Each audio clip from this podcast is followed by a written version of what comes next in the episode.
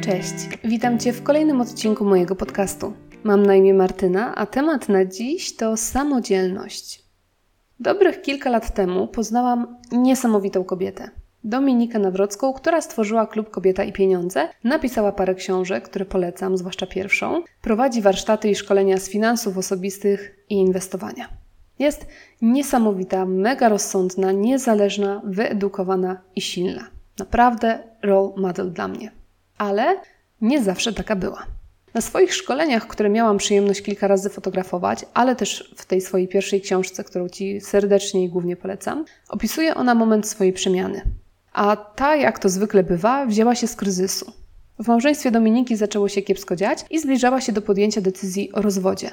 Ale kiedy zastanowiła się, jak to zrobić, jak odejść, doszło do niej, że ma dwoje małych dzieci i zero pojęcia o tym, czy i ile ma pieniędzy, ile kosztuje ją życie, ile potrzebuje, żeby siebie i dzieci utrzymać.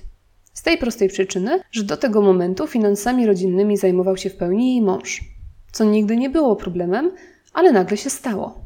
Skracając historię, Dominika poszła z mężem na terapię i się nie rozwiodła, a wręcz jej małżeństwo stało się całkiem silne i bardzo zdrowe dzięki temu kryzysowi, ale myśl o tym, jak bardzo była nieświadoma i uzależniona, pozostała. Dlatego też wzięła się ostro za naukę i postanowiła dowiedzieć się wszystkiego o zarządzaniu pieniędzmi. A następnie wcieliła tą wiedzę w życie, nie dość, że budując sobie samodzielnie kilka źródeł dochodu, to jeszcze dzieląc się tymi zebranymi informacjami z innymi kobietami. I teraz, dlaczego ja w ogóle opowiadam dzisiaj historię Dominiki? Bo ona pięknie pokazuje, jak ważny w życiu jest dzisiejszy temat, czyli samodzielność.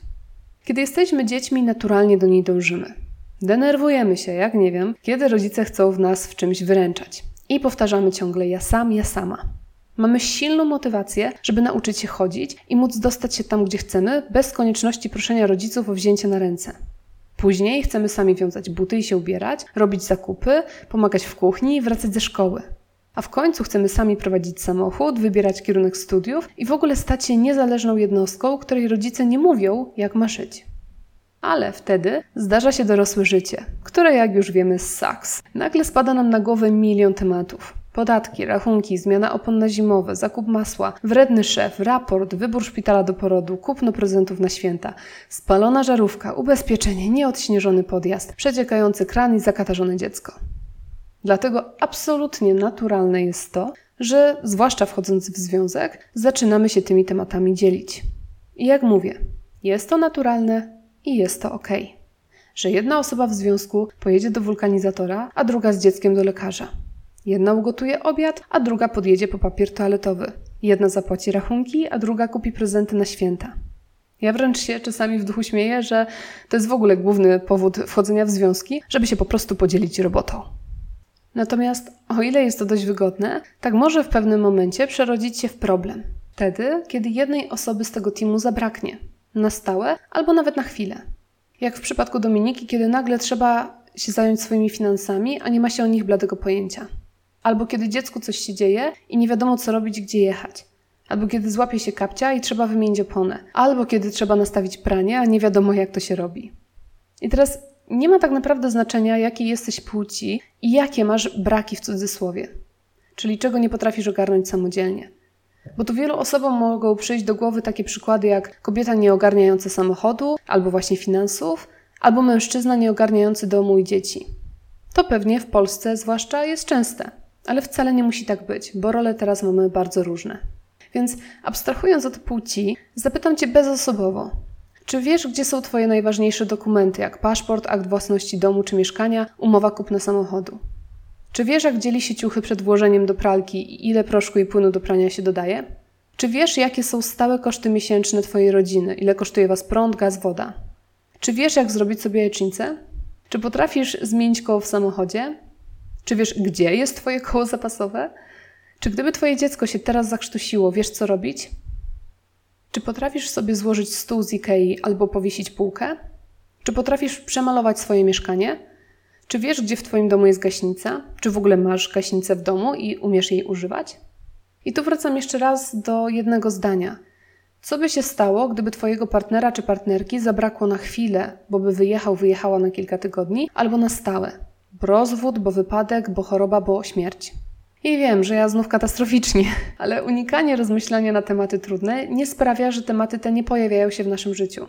I co wtedy? Wtedy zamiast po prostu przeżywać rozstanie czy żałobę, będziesz przeżywać też to, że nie wiesz co robić. Nie wiesz jak sobie poradzić. Bo przecież zawsze ogarniała to ta druga osoba. A nawet wychodząc z czarnych scenariuszy, bo okej, okay, może tu się zrobiło ostatnio za bardzo katastroficznie, samodzielność przydaje się nie tylko w sytuacjach granicznych, jak utrata bliskiej osoby czy rozwód. Samodzielność przydaje się na absolutnie każdym etapie i kroku, bo nie dość, że dodaje nam pewności siebie i wiary we własne siły, co jest przewspaniałe i buduje bardzo mocno nasze poczucie własnej wartości, to jeszcze ściąga ogromną presję z całego związku. Miałam kiedyś taką rozmowę z moim mężem, że po wielu latach różnych związków i obserwowania rozwodu własnego i moich rodziców doszłam do takiego etapu w życiu, kiedy nie potrzebuję drugiej osoby. Więc gdyby mi jutro powiedział, że odchodzi do innej, to to nie złamałoby mi życia. Marcin zapytał wtedy, troszkę spłoszony, przyznaję, to ty w ogóle chcesz ze mną być? Na co odpowiedziałam, zgodnie z prawdą, że no właśnie chcę. I jakkolwiek jest to pokręcone, to to, co właśnie mu powiedziałam, jest dużym komplementem dla niego. Bo ja nie muszę z nim być, ale chcę. I to znaczy dużo więcej. Widzisz, wiele osób uważa, że to takie piękne powiedzieć komuś, że się go potrzebuje, że się nie może bez kogoś żyć, że ktoś jest całym światem. Ale w moim świecie i z mojej perspektywy, może lekko cynicznej przyznaję po latach doświadczeń, to wcale nie jest dobre dla związku i tego naszego partnera. Bo za tymi słowami idzie ogromna odpowiedzialność i ciężar. Musisz ze mną być, bo bez ciebie sobie nie poradzę. No, nie wiem jak ty, ale ja nie chciałabym czegoś takiego usłyszeć. Bo to jest takie trochę oczekiwanie, że ten partner będzie wszystkim opiekunem, ratownikiem, rycerzem, obrońcą. I to wszystko jest bardzo piękne i brokatowe, ale przecież kompletnie nierealne. Podczas gdy, kiedy jestem samodzielną osobą, niezależną i potrafiącą o siebie w podstawowym stopniu zadbać, to ten mój partner nie musi być dla mnie nikim. Może być po prostu sobą i nie dźwiga na barkach brzemienia utrzymywania mnie przy życiu. Co na dłuższą metę wydaje mi się, że jest bardzo męczące. No i teraz wyjaśniając, żeby nie było, i chodzi mi tu o to, że mamy żyć niby razem, a tak naprawdę obok siebie. I że każdy ma od teraz kupować własny papier toaletowy. Pewnie, że nie. Jesteśmy razem, więc sobie pomagajmy, wręczajmy się czasem, ściągajmy z siebie nawzajem różne obowiązki. Ale nie kosztem samodzielności obu stron.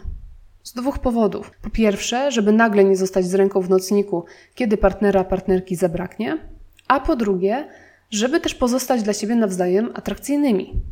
Nic tak nie mobilizuje w związku do starania się o siebie, jak świadomość, że druga osoba jest z nami z wyboru i kiedyś może postanowić wybrać inaczej. Tak jak nic nie morduje związku w moim przeświadczeniu, jak przekonanie jednej strony, że może zrobić dosłownie wszystko, bo druga osoba i tak nie odejdzie, bo sobie nie da rady z życiem. Dlatego apeluję: bądź samodzielny, bądź samodzielna. Bądź sobie w związku jasny, dziel się z drugą osobą obowiązkami, nie bierz wszystkiego na siebie, ale bądź samodzielny, bądź samodzielna. Jeśli nie umiesz robić jajecznicy, naucz się. Jeśli nie zmieniałeś, nie zmieniałaś nigdy koła, spróbuj to zrobić. Tu note to self, mnie właśnie czeka nauka zmiany koła, jak tylko urodzę, bo też nie potrafię tego zrobić. I wstyd. Jeśli nie potrafisz zarządzać pieniędzmi, poczytaj książkę o domowych finansach. Jeśli nie wiesz, ile wydajesz miesięcznie na jedzenie, zacznij spisywać paragony. Jeśli nie wiesz, gdzie są Twoje dokumenty, znajdź je i zorganizuj. Staj na własnych nogach, pewnie i stabilnie, nie podpierając się o partnera czy partnerkę. A wtedy będziecie mogli sobie razem przyjemnie i wygodnie iść przez życie. Nie będąc ciągnącym i ciągniętym, co serio na dłuższą metę jest męczące. Okej. Okay. Dobra, trochę się rozgadałam dzisiaj, ale jak widzisz, to temat, który mnie niesamowicie zapala i jest według mnie turbo ważny.